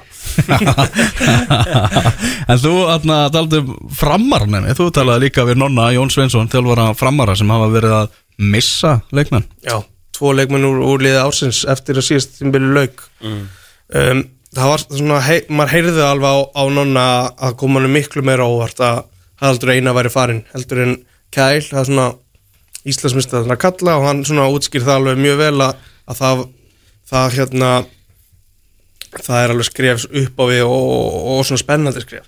En að fara í FH þeir, þeir voru, áttu ekkert sérstakt tíðanbill hann gæti verið að fara úst, vera byrjunismæður í liðinu en það er svo sem ekki eitthvað 100% heldur. Nei. Þú veist, ef að Hjörtur Lógi verið áfram, Óla Guðmundsson er hann fyrir Þetta er, hann er að fara í hörku samkeppni. Þetta er leikmaður sem er fættur árið 2000 Hann er ekki verið í æfingahópum hjá U21 Það getur verið að þetta sé eitthvað svona Eitthvað skref fyrir hann þar. Mhm. Eitthvað auðveldar að fara í atvinnumennsku úr F á heldur en fram. En þú veist, ég held að hann sé að taka alveg Þokkalega, þokkalega sjens með þessu skrefi sínu. Og, og svona út í þetta viðtölu og nonna það heyrist alveg að hann var ekkert eitthvað Hann var ekkert Hann var ekki mjög kátur með hvernig þetta allt þróast Það er einhver svona maðkur í miðs eða þú veist, orðrómurinn er að þessi hafi verið maðkur í miðsunni mm. Það er sett ykkur klásúla hann inn sem að menn hafa ekkert vitað um og eitthvað? Já, við, við, við þurfum ekki að, að fara eitthvað félag með það að, að form, fyrir formaður er, er hættur. Já, já, sem er pappans. pappans. Já, Já, já. Og- Og, komið núna í forma landslismendar, hefur hvað að sín þannig að þú veist, það getur alveg verið að hann hefði skilið í illu skilur og, og vildi ekki að sonur sinni væri áfram í félag hvað veit maður í þessu? Nei, það er einmitt, maður veit ekki neitt. Uh, Óta Bjarni Guðmundsson Hann fór í, í leikni. Það var, Á Rómans. Það var rómans. Leikni. Já, það kom, kom eitt ár uh, niður hjá mér. Hann er, hann er mættur, mættur aftur í breiðoltið og, og talandum að missa Það var náttúrulega skagamenn að missa Því að Sindri Snær fór í, fór í Keflavík Og Aron Kristoffer fór náttúrulega fyrr á- fyrr á undirbúrstíðabilinu Eða fyrr í vetur á til KR Þannig að skagamenn er, er að missa svona reynslumenn úr, úr hófnum þessir Það er bara þrjá byrjunleismenn og, og tvo sérstaklega reyndalegmenn Já, nákvæmlega. Þannig að það er, það er spurning hvað, hvað skagamenn ætla að gera. Og ef við þekkið þér rétt sabit þá ætlum þú jafnvel að heyri Jóakalla Já, í vikunni, komandi viku. Það er mjög líklegt að það gerist bara fyrir hluta næstu vikur. Fyrr en síðar. Fyrr, fyrr en síðar. Herru Valgi Valgi svona er ennþá í HK Já. Ég var eitthvað aðeins að reyna að hlera svona hvað hvernig þau mál stæðu vikingar meðaliða sem vilja fá hann uh, en HK-ungar vilja bara halda í þennan mm. -hmm. og vilja bara lána hann. Já, vilja ekki selja hann sko. Já, ég rætti við Frosta hvað þar síðustu viku eitthvað hans, ég vil, þú veist, ég spurði hann bara úti í sögursagnar er það málið að þeir vilja hann framlengi og svo vilja þeir lána hann? Hann neitaði sig um það. Og bara vildi ekki tala um það, og- en ég held að það sé nákvæmlega sem þeir hákvæðanga vilja. Að hann framlengi og svo lána þeir henni burt í eitt tíðan svo að þeir fái svo að þú veist, tekjurnar þegar hann svo verður seldur erlendis ef hann á aftur gott tímabil í hefst Já. Já, það verður fróðulegt að sjá. Herru, við ætlum að það er svakalegu gimsteinn í honum og, og að sá gimsteinn sé í lengjudeldinni það er svona Já, þrátt verið náttúrulega slagt tímabil bara eins og allir hákáðingar þá vitum við vel, við höfum séða hvað jú. býr í þessum strák sko. og alveg bara frábær karakter, mjög skemmtilegur strákur. Talandi um FH, var ekki lokatölur komnar í hús Já. 3-1 á móti val Já, í bós. Já, bósmótsins FH með, með sigur. Hvað, það er annar leikur í dag eða ekki? Jú, uh, hvað Breiðablik Káir eða Já, ekki? Breiðablik Káar en ekki byrjaður? Já, svo er sko um næstu helgi þá held ég að sé Þá hérna, er stjarnan Káir þá er Óskar Örn Haugsson gegn Káar sko. Það er allir á völlin leikur. All- Allir á völlin Ég er að spá ég allan að mæta ég, hérna. Við höfum alltaf verið, þessi útastáttur hefur alltaf verið gríðarlegur bósmóts Já, þáttir sko. En það er ekkert annað í gangi í íslenska boltanum heldur en þetta. Nei. Og bara ef maður kemst á völlin þá er maður að komast á völlin Herru, ég þarf að fara. Ég er líka Herru Benni, bara gaman að vera með þér. Takk fyrir. Þættinum er alls ekki lokið Nei. Því að Sæfa Pétursson verður á línu hérna eftir Ég með. Já, ég skila því. Uh, Við ætlum að ræða við hann um afreksþjálfun í íslenskum fótbolta. Þetta er búið að vera mikið í umræðinni núna uh, Hvort að Já, það er ekki næsta skref hjá okkur að bara taka upp afreksþjálfun í ríkari mæli samt ekki á kostna þess að þeir sem að vilja stund, stunda fótbolta sér til skemmtunar og ánægu séu eitthvað skildir eftir útundan. Það má ekki vera þannig. Tæpar hálftími eftir að útastættunum fótbolti.net og næsti viðmælandi, hann er komin á línuna það er engin annar en Sævar Pétursson frangandastjóri Káa, sætla og blessaða vinnur Sælir? Herru, við ætlum að ræða eins við þig um, um málefni sem að er eh, svona umræða sem hefur verið svolítið grassirandi núna, bæði á, á Twitter og í fjölmiðlum og, og, og víðar. Það er svona næsta skref sem við getum tekið í fótboltanum uh, afreksþjálfun, að við þurfum að leggja ríkari áherslu á afreksþjálfun í íslenskum fótbolta. Er þetta eitthvað sem að þú kvittar algjörlega undir? Já, ég, ég tek algjörlega undir þetta. Ég er svona, þetta er svona pínu tabú í umræðinni hérna heima. Það, það er afreiksmál eða, eða já, afreiksþjálfun við erum svona einhvern veginn þórum ekki að taka þessu umræðu. Eh, erum að verða eftir eh, bara allstæðir í kringum okkur í, í, í fótboltan og svo bara í öðrum íþróttum líka. Og, og þessi afreiksmáli er eitthvað sem við þurfum að þóra að ræða og, og, og velta upp bara hlutunum hvað er best að gera sko.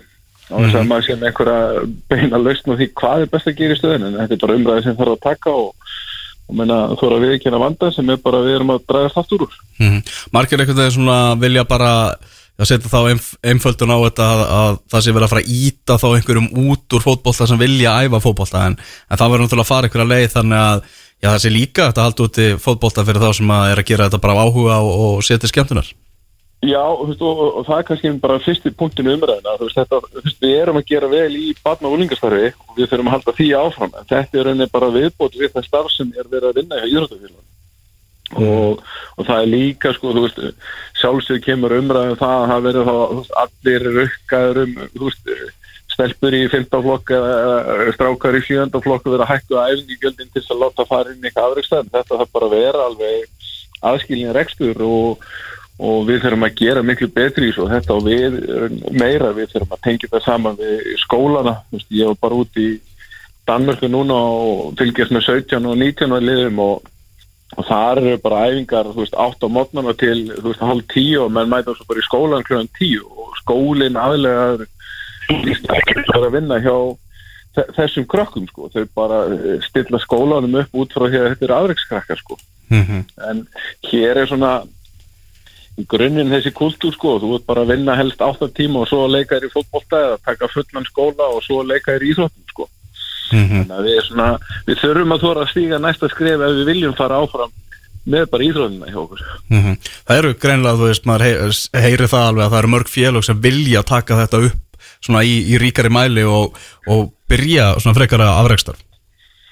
Já, já, ég, ég held að bara félögin sé alveg átt að segja á því að sko, þú veist, íþróttir veist, og þetta er svona eitt af þess sem er umræðin sem finnir tabu. Íþróttir er raun bara orðin hörku atvinningurinn, sko, mm -hmm. bara, þú veist, eftirdildina tvær í fótbolta held ég sé að velta einhverjum þremu miljardum á ári, sko. Mm -hmm. Þannig að eðlilega vilja menn hafa fara kannski sinna því meira og, og það er ekki launingamála að ungi leikmenn, veist, sem skara fram úr að þeir ganga kaupum og sölum fyrir háar upphæðir. Og þetta getur skipt félögin og svona það bara leikmenn að hellingsmáli að ná látt og gera vel og það skapa bara tekjur fyrir íþróttarhengun og leið íþróttarmenn þannig að þetta er bara umræði sem við þurfum að þóra að opna og, og, og koma okkur svona pínu inn í það sem við verðum að gera í London í kringum okkur. Við bara við, við erum að eftir við umræðinum fótbollan hefur setið þetta alltaf á hakanum síðustu, síðustu misseri og við erum bara, það sýnir sér bara í við stöðum okkar í Evropapólboltanum, við erum bara sem erum komin í nánast í röstflokk þar og erum bara að dragast aftur, við þurfum bara að þóra að opna á þessu umræðu og sjá hvað er hægt að gera. Já, algjörlega, við vorum með vöndu hérna í viðtali fyrir þættinum og þá tala hún um að Riki væri að setjast og nú væri loksins fara, hægt að fara að, ræða almennilega um bara fótboltan og það slítur þetta að vera mjög ofalega á, list, á lista.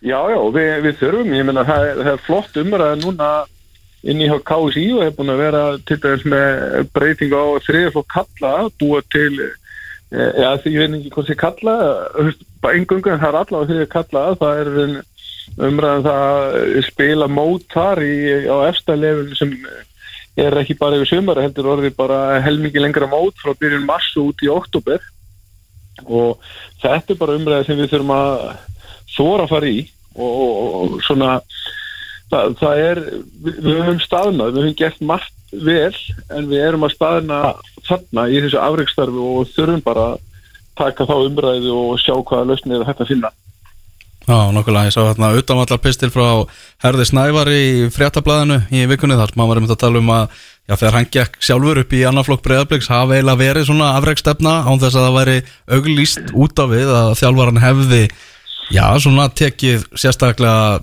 já, þá sem að, að einfalla ætti fram til fyrir sér í, í boltanum og úr þessum hópi hefði orðið sex atvinnumenn Já, þú veist, og sko, við, við þurfum samt eiginlega, veist, að gera hvort ekki, við þurfum að búa til örinn þessa afrækslínu, mm -hmm. en við mögum samt ekki, þú veist, að við förum í, annarflokking á bregðarblik, það sé ekki, þú veist, átt í hundra, strákar að æfa, að þú þarfst að búa til þú veist, grundöld fyrir eh, þú veist, þessa 80 sem kannski fara ekki í áriðslínuna og þú veist, ég get bara tekið eitthvað dæmi hjá mér, sko, ég er með þrjá gutta og elsti gutti minn var svona gæði sem kannski vildi vera tvisa, þrísar í viku fótbolt að hafa gaman og svo er ég með einn núna 15 ára sem vil helst vera sko 12 sinni viku.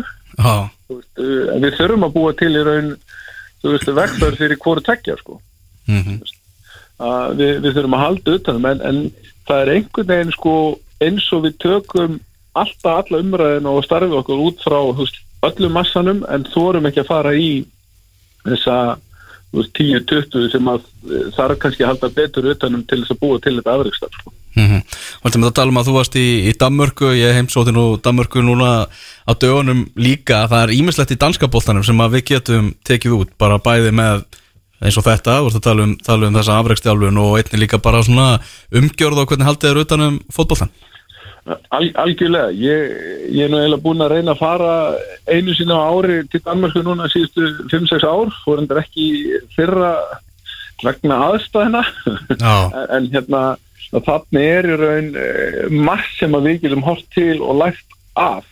Og uppfært á íslenskan fótbolta og þó sé kannski ekki alveg sömu stærðagráðu er þar. En það eru rosalega flottar hugmyndi hvernig þeir vinna bæði afristarf og hvernig félagin er að skilgarinn sig bara, eh, hvað ég segja, veist, hvað, hvað þeirra hlutverki er mhm, hvar þau vilja staðsýtja sig í veist, danska fótboltanum þú veist, þú ert með einhverja þrjá, fjóra svona superklúpa og það eru bara félug þar fyrir neðan sem bara bara gefa út, veist, við ætlum ekki að vera klúpur sem ætlar að berjast um top 3 setin heldur ætlum að vera þar fyrir neðan, vera kannski top 6 klúpur, bara top klúpur í eftir deild en við ætlum að framlega leikmenn og við ætlum að selja og svo kolla kolli, við erum komin miklu, miklu lengra í þessu starfi heldur nokk sem að klúparni hérna á Íslandi sko. mhm. Það er þetta tækifæri fyrir aðra umræð og líka það, bara líka hversu já, miklu óhrættari þeir eru við sammenningar og, og annað slíkt heldur en við Já, og algjörlega og það er mér sér bara veist, skilgrind uh, hlutar til dæmis í í klubum þú, þú vantilega hefur li- litið á Freysa hjá Lingby og það Mhm. er bara skilgrind hvað hann þarf að vera með marga akademíu stráka hjá sér í hóp veist, og hann hefur ekkert um það að segja það bara klubburinn er búin að ákveða það að það hefur vera svona margi leikmenn úr akademíun í þú veist 24-5 ára hóp og svo kolla kolli sko. Og þetta er í raun eitthvað sem að við mætum horfa miklu meira til bara hvernig þeir eru að skilgreina sig og, um leið búa til flott afreikstar sko.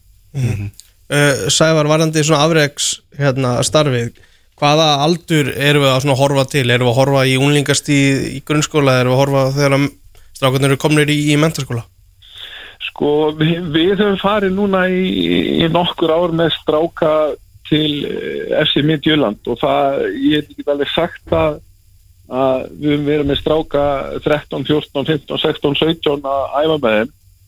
Og ég held að við svona nokkur með náum að vera á pari við þessi lið upp til 15 ára aldurs. Að þá er bara komin allt önnur umgjörð og utanumhald hjá þeim sem er raun eins og það er hérna hjá okkur, veist, elst ári í grunnskóla og svo framhaldsskóla aldurinn. Og það er eitthvað sem við þurfum að eh, leggja meiri áherslu á hjá okkur uh, og svo eins og ég segi, svo bara í umræðinu og, og þessari svona vinnu sem mér finnst við þurfa að fara í að þá getur við, kemur út úr því að við skilgrinum að það afreikstarri að hefjast í 14 ára aldur eða 16 ára aldur, þú veist, það er bara eitthvað sem þarf að koma út úr svona vinnu en, en við þurfum að opna á þessu umræði Eh, það er enn í 15 ára aldurinn sem Danin gefur í og stýgur upp. Þannig að sem er enn eins og tíundubækurinn er hérna á Íslandi. Já, Þannig að- En þetta er eitthvað sem að það getur vel verið að hægt okkur að gera betur við eh, 16 aldurinn, menn að það eru eh, þú veist, nokkur félag og þú veist, nokkur skóla sem eru fannir að bjóða upp á þess að akademíur eins og í Kóbóinum, þú veist, þú veist með Íþróttakademi og Selfossi sem tengist öll við framháskólan þannig að það kannski væri góður aldur fyrir okkur að byrja á að reyna að gera eitthvað betur og, og svo það sem má ekki gleyma að þegar við förum þessu afrisvæðing að við getum stilt þessu af að þá standa nú flest mannvirkin hjá okkur þess fótboltavettinni sérstaklega nánast auðir frá 8 á mótnana til 2-3 á daginn sko. þannig að það er gott tækifæri fyrir okkur að vera með þessa afreiksæfingar á mótnan en þá hefur bara skóli nátt forgang og engi geta mætt á æfingar sko. uh, Þú veist, ef við berum uh, Midtjöland er náttúrulega klála talsveit stærra félag heldur en Káa og önnur íslensk félug Það sem ég er að velta fyrir mér er veist, við hennar 15 ára aldur hvart fara strákarnir sem hafa svona minni áhuga á þessu? Þeir eru vantilega ekkert áfram hjá Midtjöland þeir fara í annað félag að reynilega bara hætta? Nei, nei, þú veist, sko stóru klubbarnir í Danmörku og Elva kom inn á það og það, þeir bara Írlandi, ég held að þeir séu meðurinn kringum 140 klubba sem eru raun svona bara samstarfsklubbar eh, sem að hérna krakkar sem komast ekki inn í akademinu hjá mitt í Írland, sko. Og það var vantilega sama við, ég veit að OB er með einhverja rúmlega 100-110 klubba eh, sem eru fyrir neðan hjá, hjá sér sko og í Jólandi er þetta einhver 140 sem að eru undir og það er líka síðan bara umræði sem að veist, þarf að taka inn í þessu. Ég meni, erum við með þú veist, testu að vera með færri klúpa sem að fara í þetta afreikstarf en svo þar undir eru fleiri klúpar sem taka almennastarfi sem hefur verið líð undarfæri svo sem hef e e enga innfalda lausn á því en ég held að þessi bara mikið að við opnum á þessu umræðu og þórum að taka hann og sjá hvað er hægt að gera sko. uh, FCK og Midtjöland eru náttúrulega félög sem eru saminu úr, úr öðrum sagt, félögum Hver, hvenar ætlar já, hvenar ætlar þú að, að saminast Þór og, og heita bara Þór? Sko, hér er það náttúrulega og þú þekkir þetta sem þossar að við erum með eitt stórt félag og svo önnur fyrir neðan. Mm.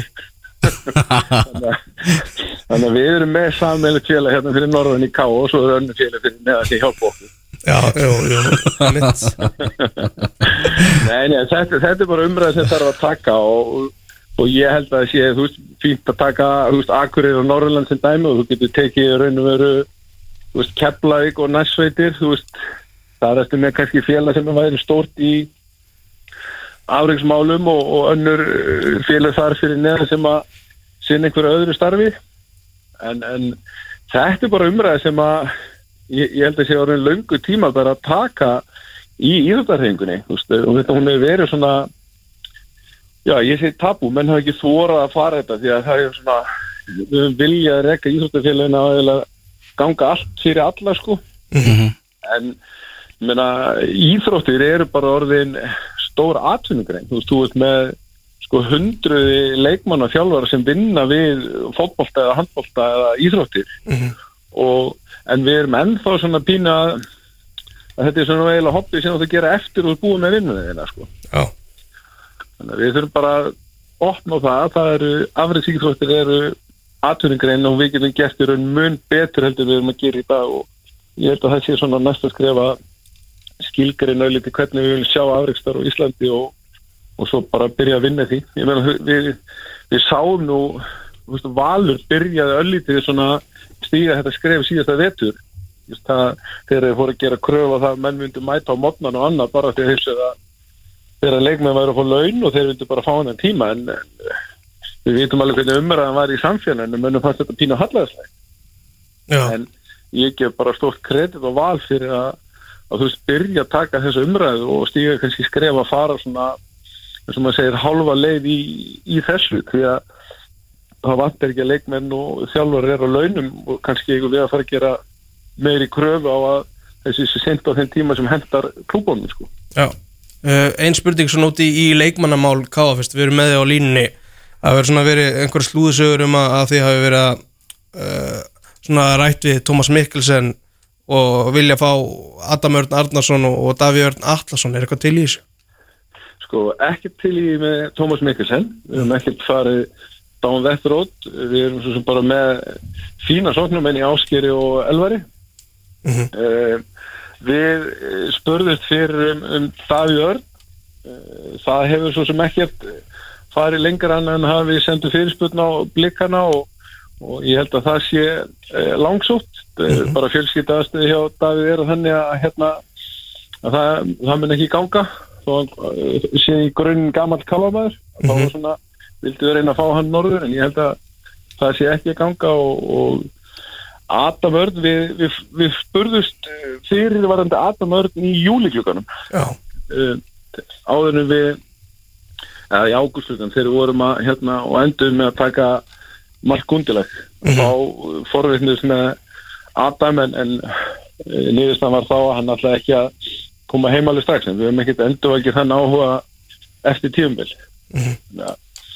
þetta er já þetta er svona svara vondi þessari já spurningu. það gerir það uh, Eitt svona, er eitthvað sem að þið langar að tjá þig um úst, Birki Bjarnason sem er orðin le, leikjahæstur í, í sögu kallalansins hann náttúrulega er með einhverja tengingu akkurir og er þannig síðan káamar þó að pappan sé harðið þósari hvernig, svona, hvernig er að, káamar sé landsleikja hæstur í, í sögunni Við erum bara stolt af því. Þetta er bara búið að vera frábær ferill hjá Birki og flott fyrirmynd sem við getum bent okkar yfkendum á.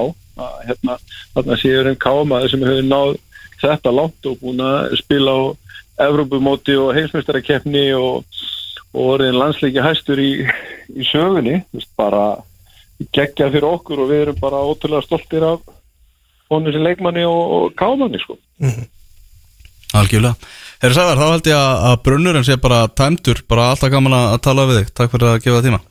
Ekki máli, takk fyrir þess okkar Heyrjumst bara Já, þurfum að fara að opna umræðuna um, um afrækstarf uh, Leicester 0, Chelsea 2 er eh, staðan ennþá í hátegisleiknum í anska bóltanum 62 mínútur liðnar af þeimleik með að leikja sem er að byrja klukkan 3 Manchester United að fara að spila á móti Watford og Aston Villa uh, Steven Gerrard og félagar á móti Brighton Newcastle án Eddie Howe að fara að mæta, uh, mæta Brentford? Brentford, já, heldur betur. Það held ég uh, ef ekki að vinda okkur í eitt stykki háskólarokk Sæfinn, Jú. við erum að fara í blink núna sko. 182 Já, Vis, Visla ah, what's my age again. Hörkulag, búið að vera háskólarokk stema í útastættinu fótbolti.net í dag og við erum heldur betur að fíla það Það held ég, útastátturinn fótbolti.net er á enda komin þennan laugardaginn, bósmótið er farið að stað, íslenski boltin er, byrjaður, uh, Valur með hvað, Valur tapaði 3-1 fyrir FH eða ekki? Já, hvernig er þú? Já, það passar. 3-1 3-1, eitthvað, áhugavert í, í leiðunum? um, Svona með byrjunlið þá kemur aðeins og vart að Haugur Páll hafi verið í miðurinn hjá Val. Engin Sebastian Hedlund en annars er þetta nokkuð svona svona, hvað er maður að segja eftir bókinni, engin Stephen Lennon og, og svo er Artgrímur alltaf sé ekki Artgrímur góði, er, það, er ég ekki að munna þetta rétt, ég man ekki alveg hvað hann heitir. Ungur og efnilegu leikmaður í FH unglingalandsmaður sem að byrjaði í miðverunum spennandi leikmaður þar Já, það er um að gera að nota þessa leiki til að, til að prófa þetta eitthvað áfram. Herðu í þessu þætti þá erum við búin að vera hérna mestmæknis þrýr, ég, Helvar Geir og svo einnig Sæbjörn Stenge og Benedikt Bóas. Erum búin að fara yfir svona helstu fréttamálin, fréttapunktana Rættum við eh, Kristján Atla um ennskaboltan Við rættum við Vöndu Sigurgestóttir, formal KSI Svona um eh, hitt og þetta hjá, hjá knastmyndusambandinu Þóra Tjaldalinn forman dómara nefndar það er vilja að taka upp var en, en þetta gengur hægt.